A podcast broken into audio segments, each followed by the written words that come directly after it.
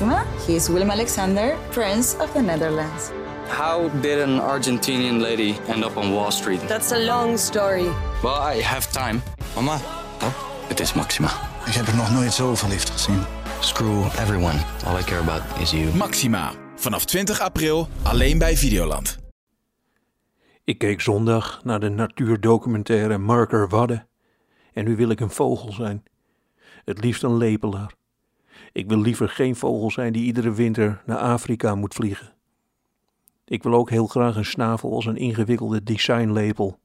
En dat ik dan tot mijn knieën door het water waggel op zoek naar dingen die lepelaars graag eten. Het liefst zou ik dan ook willen dat het commentaar wordt geschreven en gesproken door dezelfde mensen die dat voor deze documentaire deden. Eindelijk werden er eens geen lollig bedoelde zinnetjes gezegd. In veel natuurfilms kunnen ze het niet laten om dieren bij voortduring menselijk gedrag in de schoenen te schuiven. Een voorbeeld. Er landt een zwaan op het water. Bijna altijd kijk je dan naar 130 keer vertraagde beelden en zegt de commentaarstem: Vlucht MK 1024 is geland, nu nog even op de koffers wachten. Nog een voorbeeld.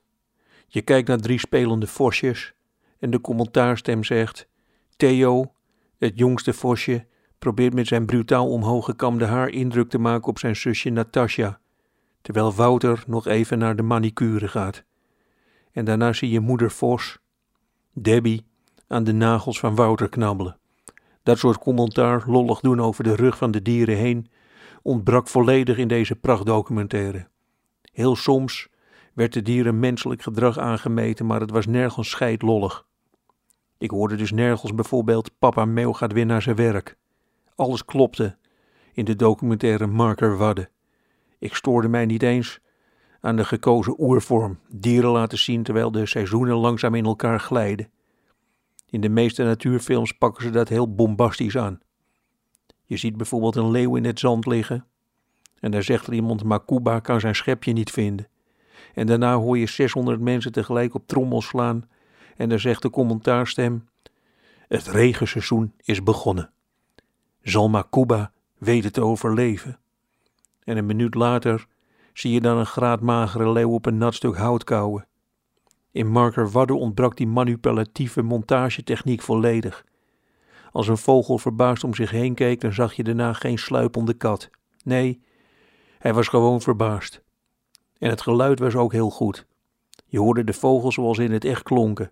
Klotsend water klonk ook echt als klotsend water en niet als de laatste scène in de film Titanic met een kilo meer reverb erop. Ik heb een uur lang ademloos zitten kijken naar nieuw Nederlands landschap. Corona was ver weg. Er lag een dode zwaluw op zijn rug in het zand. En niemand zei: Benno is dood. Had hij zich maar moeten laten vaccineren.